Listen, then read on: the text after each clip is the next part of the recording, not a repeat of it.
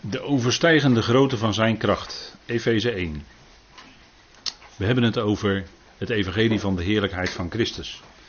Die het beeld is van de onzichtbare God, hè, zoals Paulus dat uh, zegt in 2 Korinthe 4. En Paulus spreekt daarover in Efeze 1, over de enorme hoge positie van Christus nu aan de rechterhand van God. Hand is natuurlijk niet goed om te zeggen, maar het is maar beeldspraak, hè? Plaats van macht. En in Efeze 1, vers 19 en 20 wordt gesproken over die overweldigende kracht. U kent die woorden wel, zoals ze in de Nederlandse concordante vertaling staan. En wat de overstijgende grootte van zijn kracht is voor ons die geloven. Dat is een van die drie facetten van het Efezegeheimenis. Maar daar ga ik nu niet verder op in. In overeenstemming met de werkzaamheid van de macht van zijn sterkte. Die werkzaam is in de Christus, hem opwekkend uit de doden. En heb ik, op deze dia heb ik die woorden van kracht, werkzaamheid, macht, sterkte, werkzaam zijn. Dat zijn allemaal woorden die op een of andere manier die geweldige kracht van God door zijn geest uitdrukken. En die kracht was betrokken bij het doen opstaan, het opwekken, het levend maken en het verhogen van de Christus aan zijn rechterhand. Dat is een geweldige uh, kracht. Hè? Wat de overstijgende grootte van zijn kracht is. Hè? Paulus, die, uh, als hij over deze dingen gaat spreken, dan komt hij zeg ik altijd woorden tekort bijna. Hè, want hij spreekt hier over de overstijgende grootte van zijn kracht. Dat is Gods kracht. Hè, dat is Gods dynamis.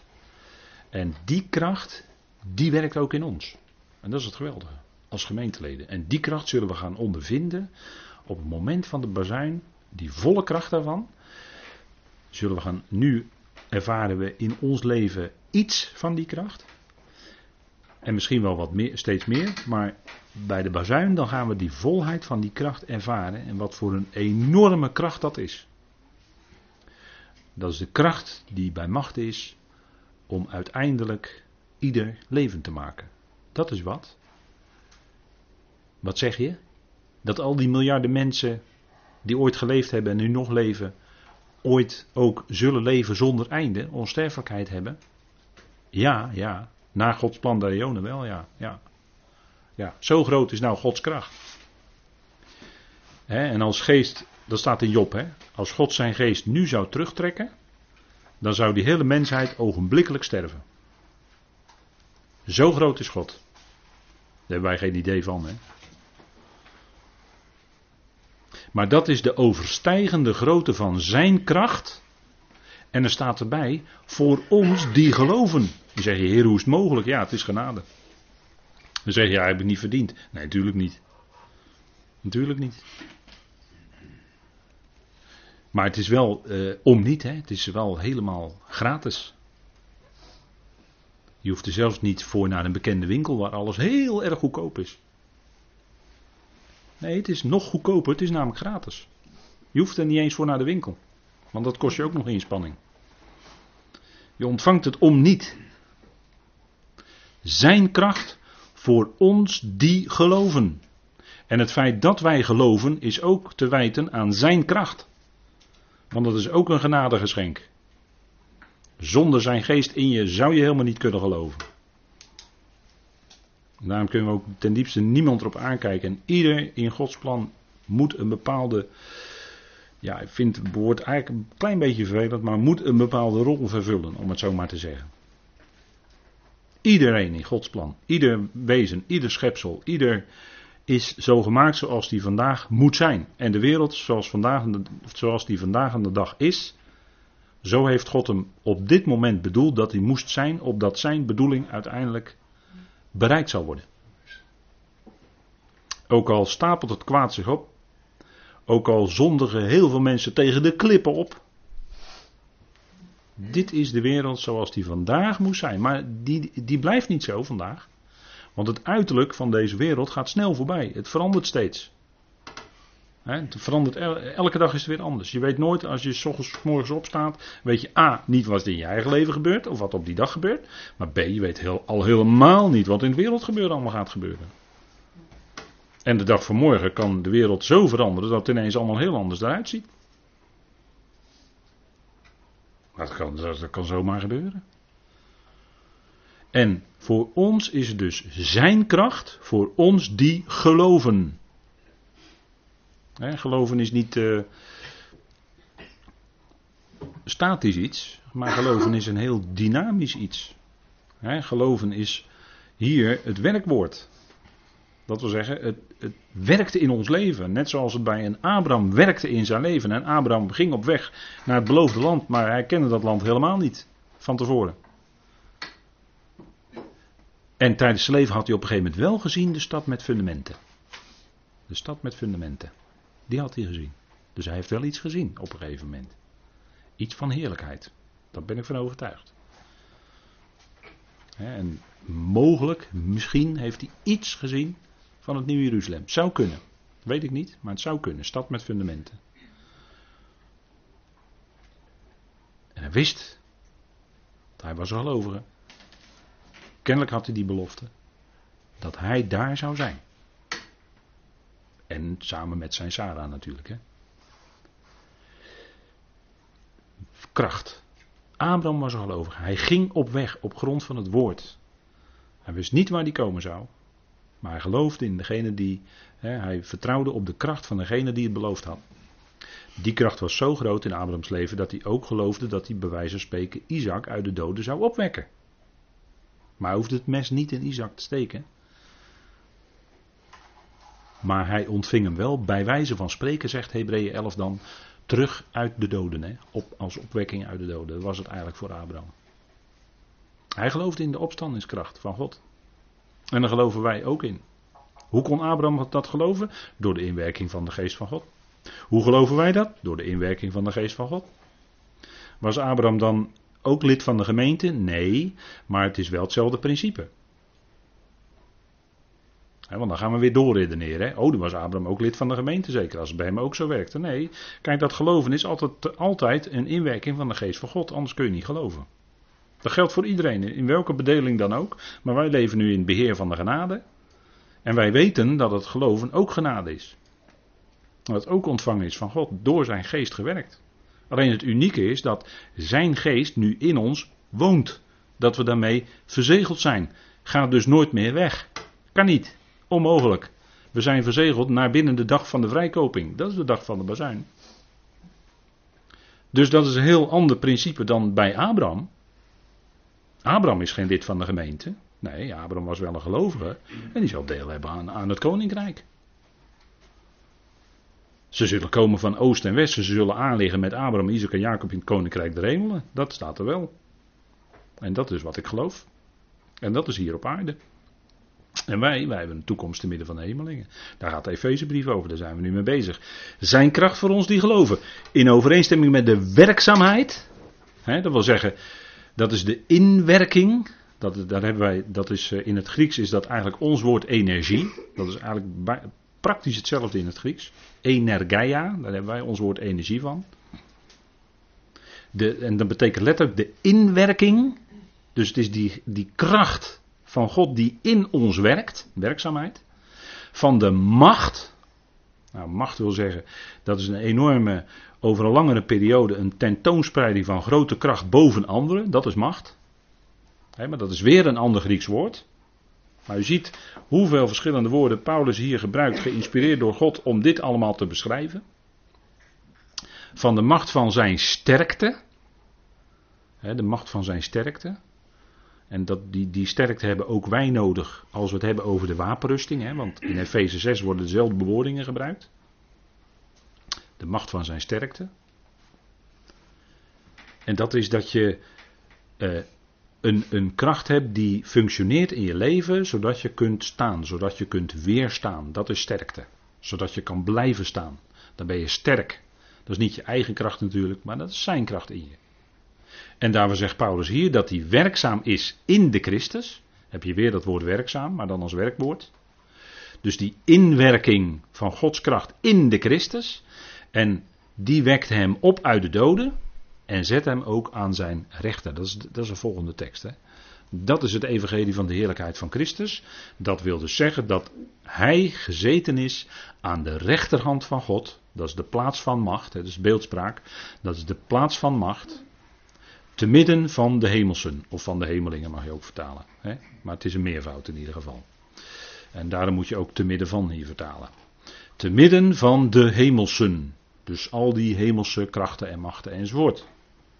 En dan heeft Christus is gezet boven al die krachten en machten.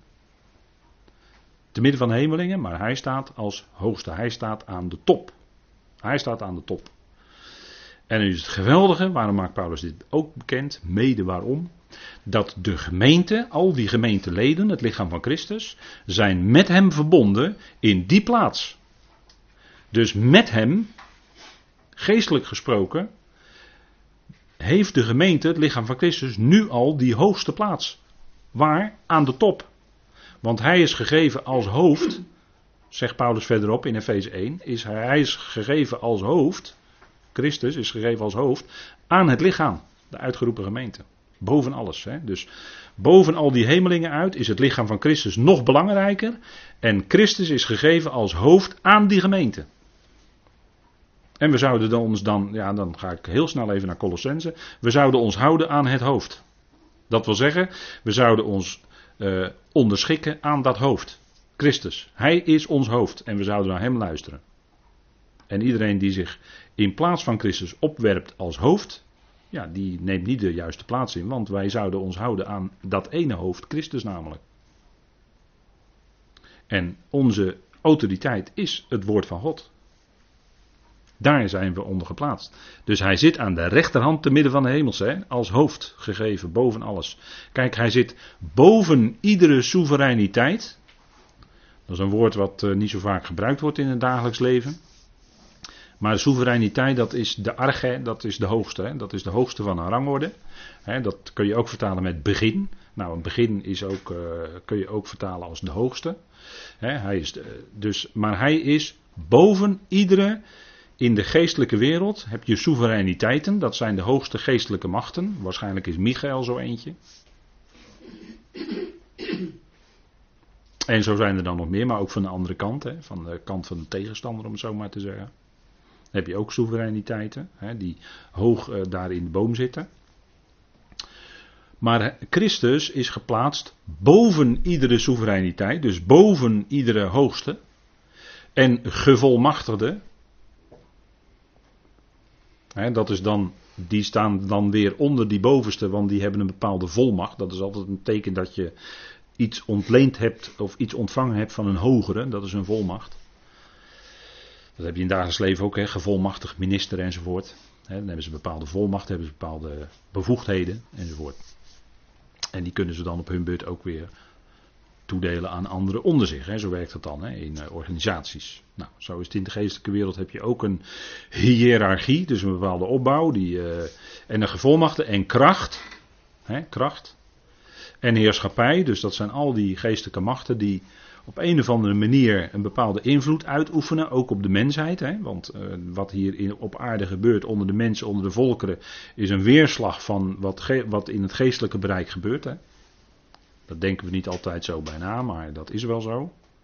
en uh, hoge mensen in de politiek die staan ook onder invloed van geestelijke machten enzovoort. Er wordt op een bepaalde manier geestelijke macht over uitgeoefend. dat zijn, uh, die, die, er zijn altijd mensen en uiteindelijk geestelijke machten achter de schermen die werkelijk aan de touwtjes trekken. dat zijn niet die politici die we allemaal in de pers zien. Dat zijn allemaal loopjongens, om het zo maar te zeggen. Sorry voor het woord, maar dat, zo werkt dat, hè. Maar er zijn geestelijke machten die zitten daarachter. En dat zijn eigenlijk degenen die aan de touwtjes trekken, hè, die, die het bepalen. Hè, dat, eh, dat uh, ja, ja, ja, bij de Verenigde Naties bijvoorbeeld werkt dat ook zo. Hè. Bij hooggeplaatsten van de Verenigde Naties. Niet allemaal. Maar bij hooggeplaatsten van de Verenigde Naties heeft bijvoorbeeld een filosofie als de theosofie veel invloed. Hè. Dat, uh, en dat wordt dan vertaald ook in bepaalde uitwerkingen die de Verenigde Naties doen onder de volkeren enzovoort. Hè. Om maar iets te noemen. ik, ik, ga geen namen noemen, maar zo werkt dat onder andere bij de Verenigde Naties. Niet, uh, niet alle hooggeplaatste leden, maar er zijn wel hooggeplaatsten die onder invloed, sterk heel sterk onder invloed daarvan staan. Nou, die geestelijke wereld die heeft dus invloed op de mensenwereld. En nu is het bijzondere wat Paulus hier bekend maakt, dat Christus dus boven al die geestelijke machten en krachten geplaatst is. Dat hij de hoogste is. En dat in de loop van de tijd gaat blijken dat hij alles onder zijn voeten gaat krijgen. En daar zullen wij als gemeenteleden ook aan meewerken. Niet op aarde, maar te midden van die geestelijke machten die er zijn, die Paulus hier noemt. Soevereiniteiten, gevolmachten, krachten, heerschappijen.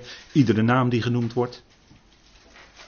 Van die onzichtbare machten en krachten. En daar gaan wij als gemeenteleden ons werk doen. Om mee te helpen om die onder de voeten van de Christus te brengen. Om die te brengen tot erkenning dat Hij het hoofd is. Dat gaan we dan ook prediken aan hen. Dan zegt hij, ja, maar dat kan toch helemaal niet? Nee, nu niet zoals we nu zijn, maar daarvoor hebben we dan ook dat verheerlijkte lichaam. En dan zullen we ook die taal kunnen spreken, om het zo maar te zeggen, om die geestelijke macht en krachten te kunnen bereiken. Met het evangelie, jawel, wel degelijk. Met welk evangelie? Het evangelie van Paulus. Want dat spreekt daarover.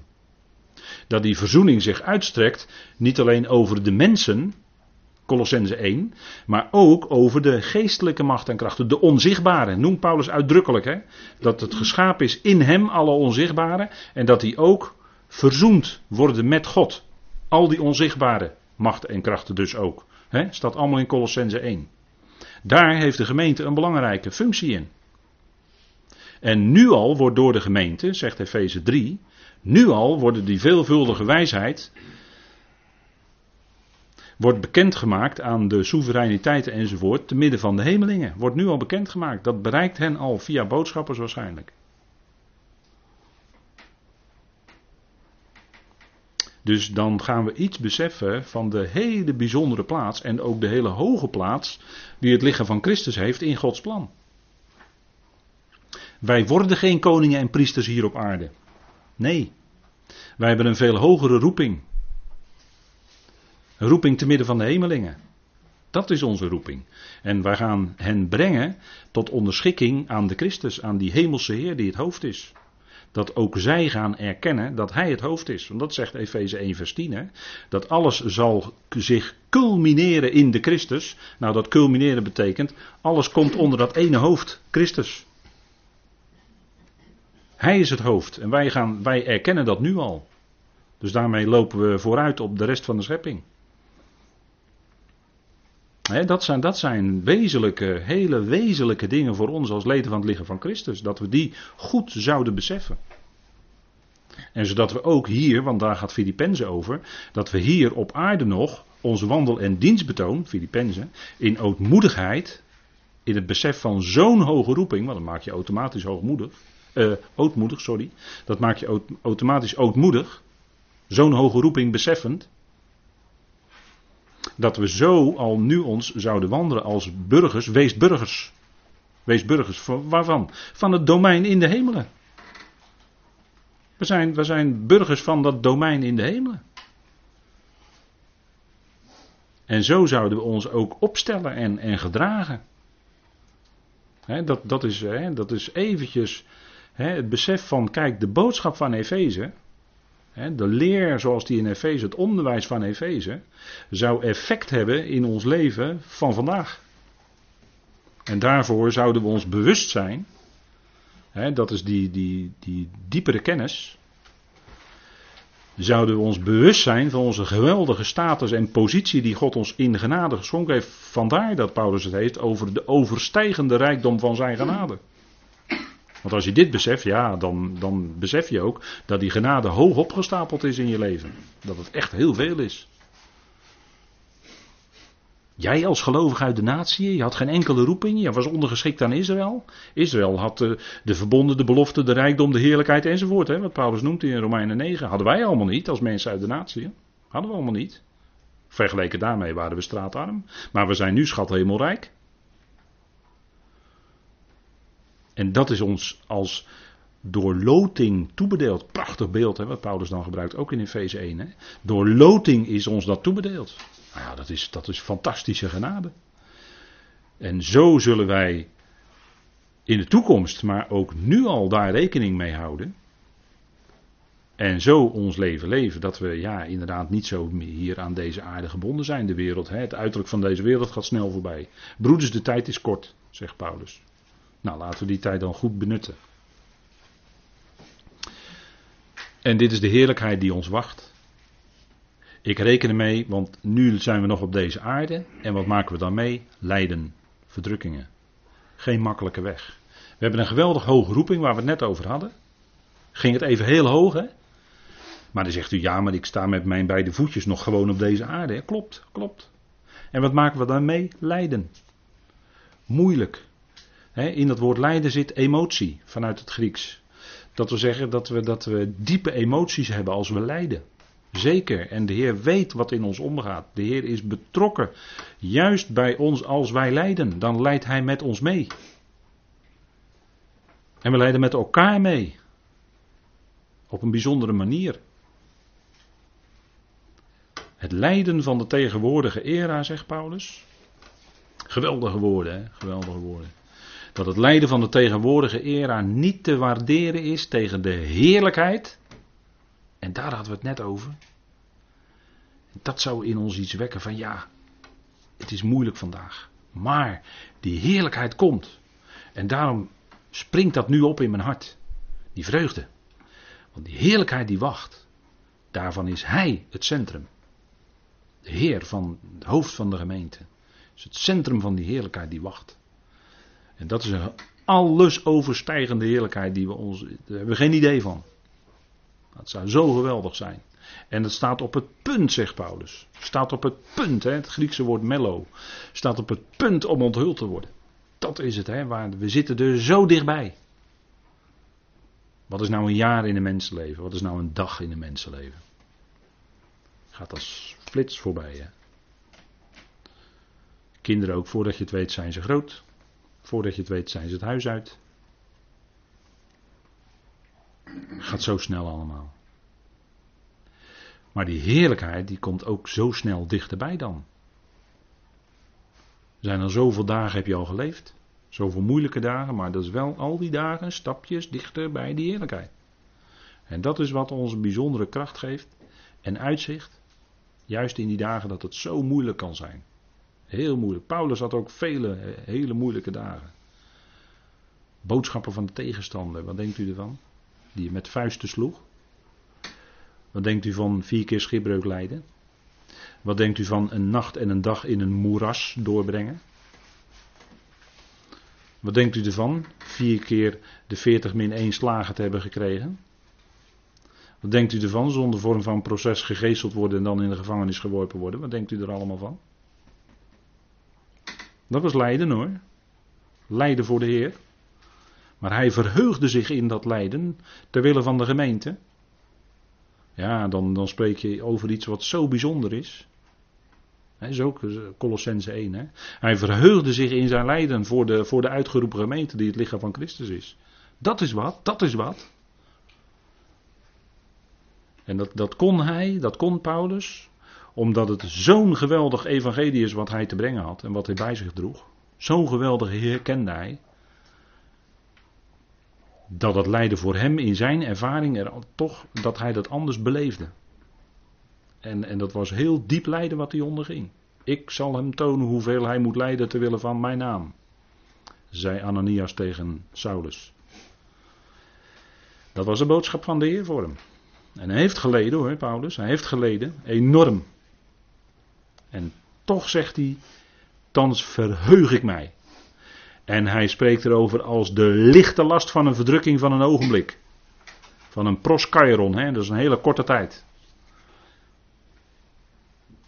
Maar dat weegt niet op tegen die alles overstijgende heerlijkheid. Dat is een enorm gewicht. Hè? Dat is het Hebreeuwse woord van heerlijkheid. Dat is ook gewicht, dat is zwaar. Je weet wel, die takken met vrucht die dan zo naar beneden hangen. Dat is de heerlijkheid van die boom. Dat is zwaar. Dat is maar een beeld hoor, dat is een heel simpel beeld uit de natuur. Maar het zegt wel iets en die heerlijkheid die ons wacht is zo onvoorstelbaar groot. Als je daar wat meer zicht op krijgt, dan ga je misschien iets meer begrijpen van hoe Paulus stond in dat lijden. En eronder bleef staan. Natuurlijk door de kracht van de Heer, natuurlijk. Maar het functioneerde wel in zijn leven. Op basis van het evangelie. Dat was zijn kracht. En dat is wat we met elkaar mogen doen. Hè? Dat is ons verblijden in die Heer. Rekenen op zijn kracht. En hij zal al wie gelooft niet te schande maken. Bij hem kom je nooit beschaamd uit. Want hij zal al zijn beloften waarmaken. Alles. Dus ook die heerlijkheid die komt, jazeker, ook die heerlijkheid die komt, dat is gegarandeerd hoor. Gegarandeerd. Dat gaat komen. Daar leven we naartoe. Daar verheugen we ons in. en dat is die heerlijkheid en die staat echt, echt, ik ben er zo van overtuigd, dat staat op het punt om onthuld te worden. En dat is een onthulling onvoorstelbaar. Onvoorstelbaar. Dan is het glans, dan is het heerlijkheid, dan is het licht, dan is het een en al heerlijkheid als we bij Hem zijn. En dan onze bedieningen gaan aanvangen te midden van de hemelingen. Wat een toekomst, hè? Wat een toekomst. En misschien zegt u, nou, ik word er wel blij van als ik dat zo hoor. Nou, dan deel ik uw blijdschap. Amen.